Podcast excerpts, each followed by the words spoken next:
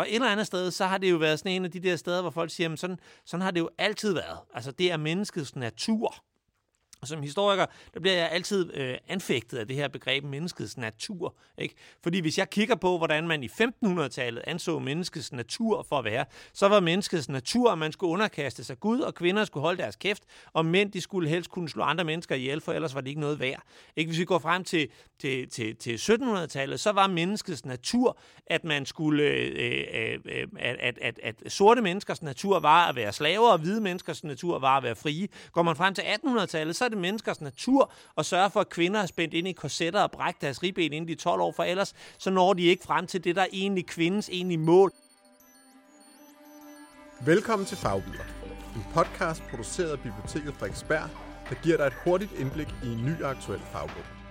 Mit navn er Andreas Lykke Jensen, og ham du lige hørt tale om menneskets natur hedder Asser Amdisen. Asser er historiker og forfatter, og i øjeblikket er han aktuel med bogen En romersk mønt og hvad der deraf fulgte.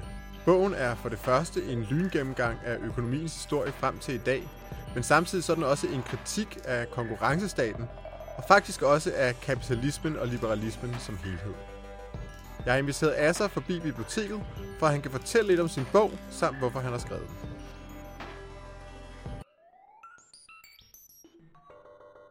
Det er der sådan to overordnede øh, grunde til. Øh, den ene er, at øh, jeg synes, at økonomi faktisk er temmelig vigtigt. Altså det handler om, hvordan vi fordeler velstanden mellem os, og hvordan vi i det hele taget øh, agerer øh, i forhold til hinanden. Øh, og derfor synes jeg, der var et behov for at få det skrevet i et sprog, som, øh, som øh, almindelige mennesker kunne forstå. Det var den ene ting, øh, jeg gerne ville med. Den anden ting i det, det ligger lidt i forlængelse af det, nemlig at hvis man, øh, hvis man insisterer på, at økonomi er noget, økonomer tager sig af, og eksperter tager sig af, og det samtidig får lov til at være det, der styrer den måde, vi bygger vores samfund op på, så fjerner man jo almindelige mennesker fra at kunne forstå og, og deltage i, øh, i, i samfundsudviklingen. Øh, og det synes jeg er et demokratisk problem. Derfor tænkte jeg, at, øh, at der var en pointe i dels at skrive det, så folk kunne forstå det, og dels også at gøre det til en politisk øh, måde at tænke på igen, nemlig at det ikke handler om videnskab, det handler om, hvad vi tror og hvad vi mener, og hvordan vores ideologi er, øh, når vi skal bestemme, hvad der er sund og fornuftig økonomi. I den første del af sin bog fortæller Asser hele økonomiens historie fra jernalderen og frem til velfærdsstatens opståen. I bogens anden del går han for alvor i dybden med velfærdsstaten og hvad der kendetegner den. Og i tredje del af bogen er turen så kommet til velfærdsstatens afløser, nemlig konkurrencestaten. Konkurrencestaten er ifølge begrebets ophavsmand, professor Kai Ove Pedersen, en videreførelse af velfærdsstaten. Men sådan ser Asser ikke helt på sagen. Altså det, som Ove Kaj siger, det er jo, at, øh, at det, der karakteriserer en velfærdsstat, det er, at det er en stat, hvor man samler pengene ind og fordeler dem på den måde, som samfundet nu synes, det er rigtigt at fordele dem. Og så langt har han ret. I så fald kan man også godt bruge betegnelsen øh, konkurrencestat om, øh, om, om det samfund, vi lever i i dag, eller slår velfærdsstat om konkurrencestaten, som, som det, vi lever i i dag. Men så vil man også kunne bruge øh, begrebet velfærdsstat om enevældens Danmark, eller om feudalstatens Danmark tilbage i middelalderen, fordi der var jo også en eller anden form for omfordeling øh, øh, bundet op på nogle af de her ting. Så, så, så jeg ved ikke, om jeg synes, det er en særlig god definition. Det, der sker med, med, med konkurrencestaten, det er, at man, at man flytter fokus hvor velfærdsstatens fokus handler om de borgere, der er i staten, som på den måde bliver uddannet til at være borgere. Det er altså ikke et økonomisk øh, først og fremmest. Det handler om det enkelte menneskes liv, og om fællesskabets liv, og hvordan vi kan, kan hjælpe hinanden. Så bliver det i konkurrencen til et spørgsmål om, hvordan at vi... Øh, at vi bedst kan sikre, at vi får mest muligt af den her vel, velstand til os. Hele kernen i det, det er, at man flytter altså motiverne bag alting, øh, når man går fra velfærdsstat til konkurrencestat. Det er ikke længere et spørgsmål om at sikre, at, øh, at øh, arbejdsløse de har det så godt, som de nu kan, når de nu bliver fanget i strukturel arbejdsløshed. Formålet bliver nu at få dem tilbage ind i samfundet, så vi kan få udvidet mængden af arbejdskraft, sådan at vi kan få sænket lønningerne, sådan at vi kan være mere konkurrencedygtige i stedet for de varer, der kommer fra, fra Sydkorea. Det, der er det ironiske ved det, det er, at selvom at Ove Kaj Petersen er dansker, og selvom at, at begrebet bliver kørt, så er det her jo en måde, der er, er global. Altså man tænker øh, øh, øh økonomi øh, på i, i næsten hele verden på samme tidspunkt. Så, så, så alle er enige om, at nu skal vi konkurrere. Det vil sige, at det gælder om at få sænket lønningerne, øge arbejdsudbuddet, så vi bliver mere konkurrencedygtige. Og eftersom alle gør det, så er der ikke ret stor sandsynlighed for, at det egentlig kommer til at, at forandre ret meget. Men der, hvor kernen, altså den største forskel mellem øh, velfærdsstaten og konkurrencestaten er, det er, at velfærdsstaten, det er grundlæggende, en, en, en, en, den handler grundlæggende om solidaritet. Det handler om, at vi alle sammen er med et fællesskab, og nu skal vi forsøge at leve i det her fællesskab bedst muligt. Hvorimod konkurrencestaten, det handler om, at vi, hvordan vi kan konvertere det her fællesskab til at blive til en meget dygtig øh, økonomisk enhed, som kan få skravet mest muligt af verdens velstand til sig. Udover konkurrencestaten, så er Asser igennem bogen også meget kritisk over for den overordnede organisering af vores økonomi, som han betegner som neoliberalisme. Det, der kendetegner neoliberalismen, er en modstand imod statslige indgreb i økonomien, samt at man skærer gevaldigt ned på de offentlige udgifter. Men spørgsmålet er, om denne neoliberalistiske økonomiske politik, der for alvor blev dominerende med Reagan og Thatcher op igennem 80'erne, ikke i øjeblikket er ved at blive aflyst af en tilbagevenden til en mere keynesiansk, ekspansiv finanspolitik. Altså, der er flere elementer i det. Altså hvis vi starter først med, hvad er neoliberalisme? Ikke? Så er liberalisme, det er jo en grundlæggende økonomisk forståelse af, at i virkeligheden, så vil økonomien fungere bedst, hvis man slipper den helt fri. Altså jo mindre statslig indblanding man har i, i økonomien, jo bedre. Øh, og alle mennesker øh, har en drivkraft til at blive så rige som muligt, og hvis alle forsøger at blive det, og ikke bliver forhindret af staten, så bliver de også så rige, som det kan lade sig gøre inden for, for rammerne. Øh, neoliberalismen, det er jo så en, en, en, en måde at ligesom genopfinde det på efter velfærdsstaten, og neoliberalismens kerne har været meget det her med, at vi skal bringe de statslige udgifter ned, sådan at vi også pålægger virksomhederne mindst mulige øh, udgifter, sådan at de kan konkurrere, og, og i det hele taget så gælder det om at slippe den enkelte øh, øh, borger fri, så konkurrencen kan få øh, så gode vilkår som overhovedet muligt. Jeg ser neoliberalismen som i et meget tæt samspil med den her konkurrencestats øh, ideologi. Det, der er målet med den moderne neoliberalisme, det er jo netop at gøre staten til en driver for den her konkurrerende stat, som går ud og forsøger at få pengene fra alle de andre.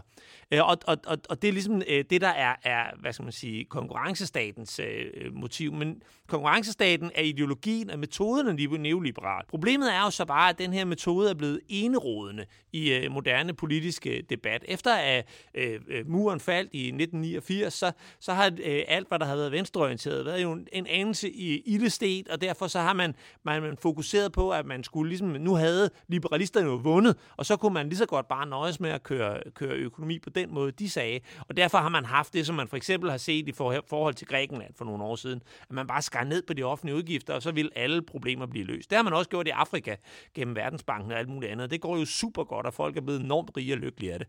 Nå, men under alle omstændigheder, så har det været det, der har været argumentet for, for det. Og så kan man så spørge, om har coronakrisen så ændret det? Har vi, har vi fået fjernet den grundlæggende måde at, at, at, at, at tænke på? Og det tror jeg egentlig ikke. Nu er det jo, altså, øh, når vi optager det her, så er vi jo kun cirka et halvt år fra, øh, fra coronakrisen. Som historiker, så er jeg altid utryg, hvis der er mindre end 250 år mellem mig og begivenheden. Men, men, men, men under alle omstændigheder, så kan man godt sige, at, at øh, hvis vi skal se på tendensen i det, så blev der pumpet enorme mængder penge ud i samfundet, lige efter at coronakrisen brød ud. Og, og, og de penge gik jo øh, øh på mange måder til ligesom at understøtte ting. Jeg ser den bunke penge som værende nødhjælp. Det er øh, penge, der svarer til, at der havde været en brandkatastrofe eller noget andet, og så er man nødt til at putte penge ud, og derfor accepterer man, at man i en kortvarig periode bliver nødt til at accelerere det offentlige forbrug for at få, få løsningen ud. Men i den sidste ende, så er det jo stadigvæk konkurrencestatsløsninger, det er stadigvæk konkurrencestatstænkning, det er neoliberal tænkning, der ligger bagved. Altså, et godt eksempel. Hvis vi nu ønsker at putte en masse penge ud i samfundet, fordi vi ønsker at bevare det, der er vigtigt for os, selvom vi er blevet ramt af den her øh, irriterende virus, hvad er det så, vi bruger penge på? Jo, men så er det, vi hører finansministeren sige, prøv at høre, vi er nødt til at lukke ned for skolerne, for bibliotekerne, for højskolerne, for alle de her kulturbærende enheder, som skaber fællesskab. Dem er vi nødt til at lukke ned for, så vi kan holde resten af samfundet åben. Og hvad mener han så med resten af samfundet? Jo, resten af samfundet, det er produktionsdanmark. Det er det private erhvervsliv. Det er juristerne, det er konsulenterne, det er bankerne, det er øh, øh, øh, de produktionsvirksomheder, som producerer. Så vi vælger altså at sige, at det er enormt vigtigt for os, at vi kan få juridisk assistance. Det er enormt vigtigt for os, at vi kan have 10 forskellige supermarkeder åbne, hvor vi kan købe den samme slags mælk. Men det er ikke vigtigt for os, at skolerne er åbne, at bibliotekerne er åbne, at højskolerne er åbne. Det er ikke vigtigt, fordi det er ikke det, der bærer er vores samfund, det er det andet. I bogens afslutning, der kommer Asser med noget så umoderne som en morale. For mange så er historien om kapitalismen en succeshistorie, der har løftet milliarder af mennesker ud af fattigdom og ind i middelklassen, hvor de kan bo i parcelhuse og se fjernsyn på fladskærme og vaske tøj i vaskemaskinen. Den luksus, kapitalismen har bragt til nogen, hviler dog ifølge Asser på udbytning af andre. Og det er nu på tide, at vi som verden bevæger os videre til en anden måde at organisere vores økonomi på. Fordi jeg tror, vi har brug for det. Jeg tror, at, øh, at hvis man kigger på den måde, vel, konkurrencestaten har afløst velfærdsstaten, så er det ikke et uheld, at vi er gået fra den måde at tænke på til, til noget andet. Når vi grundlæggende nede i kernen af hele den måde, vi tænker politik og økonomi, har en motor, der siger, at hvis vi skal have et godt samfund frem, så kræver det, at vi alle sammen forsøger at blive rigere at vi forsøger at få en større del af, af velfærdskagen med. Det handler om grådighed som grundlæggende motivator for, hvordan vi agerer i verden. Og så længe alting handler om at blive rigere og tjene flere penge, og, og især blive rigere på andres bekostning, jamen så er der ikke nogen øh, anden vej, end at vi går fra velfærdsstat og så til en konkurrencestat. Og fra konkurrencestaten til noget andet, som ikke nødvendigvis bliver et specielt rare sted at være, fordi det igen vil være grådigheden, der får lov til at sætte dagsordenen. Og et eller andet sted, så har det jo været sådan en af de der steder, hvor folk siger, jamen sådan, sådan har det jo altid været. Altså det er menneskets natur. Og som historiker, der bliver jeg altid øh, anfægtet af det her begreb menneskets natur. Ikke? Fordi hvis jeg kigger på, hvordan man i 1500-tallet anså menneskets natur for at være, så var menneskets natur, at man skulle underkaste sig Gud, og kvinder skulle holde deres kæft, og mænd de skulle helst kunne slå andre mennesker ihjel, for ellers var det ikke noget værd.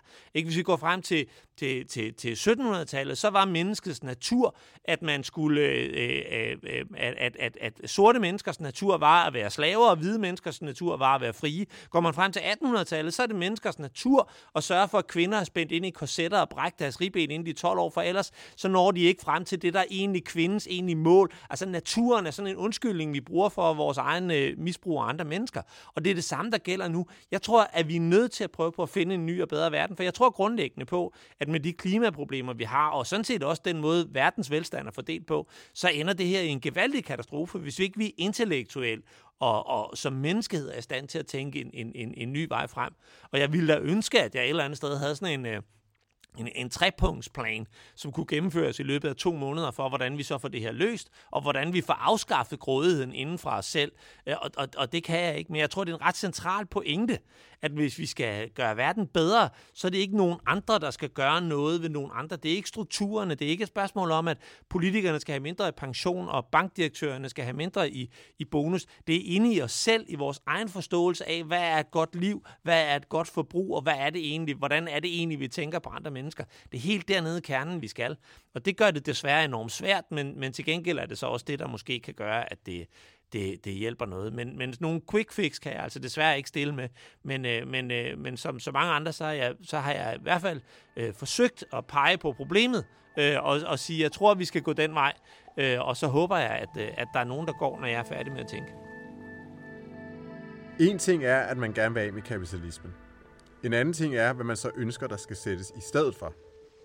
Afslutningsvis så spørger jeg Asser, om han gerne vil vende tilbage til en form for planøkonomisk organisering af økonomien, eller om det han drømmer om er noget helt tredje, der endnu ikke er prøvet før. Jeg tror, altså, om man taler planøkonomi, markedsøkonomi eller konkurrenceøkonomi, eller hvad det nu er, så er det alle sammen måder at se på, øh, på, på fordelingen af nogle ressourcer, der tilhører nogen. Altså, jeg, jeg, jeg tror faktisk, at vi er nødt til at kigge på hele konceptet omkring øh, ejendom. Er det egentlig afgørende for mig, om jeg ejer den cykel, jeg kører på, eller, eller er det ikke? Er det meget vigtigt for mig at vise over for andre mennesker, at min cykel er finere end de andre, eller måske endda kan jeg endda få råd til en bil? Øh, det, det er der, den der me- mekanisme, der gør, at når jeg har fået en cykel, så vil jeg automatisk snart have en bil, og jeg skal helst have to biler, fordi det stimulerer også en vækstforventning, som er med til at drive øh, nogle af klimaproblemerne frem. Men det gør jo også, at vi hele tiden, ligegyldigt hvor rige vi bliver, altså, og vi er vidderligt, som historiker, så kan man jo ikke andet undre sig over, hvor meget rigere vi er blevet de sidste 100 år. Men uanset hvor rige vi bliver, så kan vi altid finde nogen, der, der er rigere end os, og derfor skal vi arbejde mere, vi skal tjene flere penge, vi skal hele tiden forbruge noget mere for at demonstrere, hvor, hvor, hvor, hvor rige vi er blevet. Og den måde at leve livet på, den måde at fordele velstanden på, er jo øh, øh efter min mening et, øh, et, et, et, et sygdomstegn. Altså helt grundlæggende, så er det flere hundrede år siden, at vi her på jorden nåede til det niveau, hvor vi faktisk producerer mere mad, end de mennesker på jorden øh, kan spise. Og alligevel, så dør folk af sult rundt omkring, og så siger man, at vi har en velfungerende og systematisk økonomi. Jeg tænker, at vi er nødt til at tænke helt forfra, helt anderledes i forhold til de her ting. Men, men da jeg også er begrænset af de, øh, hvordan jeg er opdraget, og hvilken virkelighed jeg kommer fra, så har jeg ikke den der, det der bud. Men jeg tror, det er et ret grundlæggende skifte, der skal ske i forholdet til, til, til nogle ting. Og det er ikke noget, der kan klares med lovændringer eller strukturændringer på overfladisk niveau. Det handler ikke om, at alle de andre skal tænke på en anden måde. Det er os selv, der skal føle og være noget andet. Vi er nødt til at ændre, hvad det vil sige at være menneske, for at kunne leve sammen i en retfærdig og, og langtidsholdbar verden. Så ifølge Asser er det altså ikke blot samfundsstrukturerne, der skal ændres, men os selv. Ser man på den klassiske liberale politiske teori, som den blev funderet af liberalismens fader Adam Smith, så er mennesket grundlæggende egennyttemaksimerende. Det vil sige, at vi stræber efter at optimere vores egen lykke. For Adam Smith og andre liberale tænker, at denne egennyttemaksimering bestemt ikke en dårlig ting. Tværtimod så er egennyttemaksimering det, som skaber samfundets velstand. Er det virkelig den, som er så gerne vil til livs?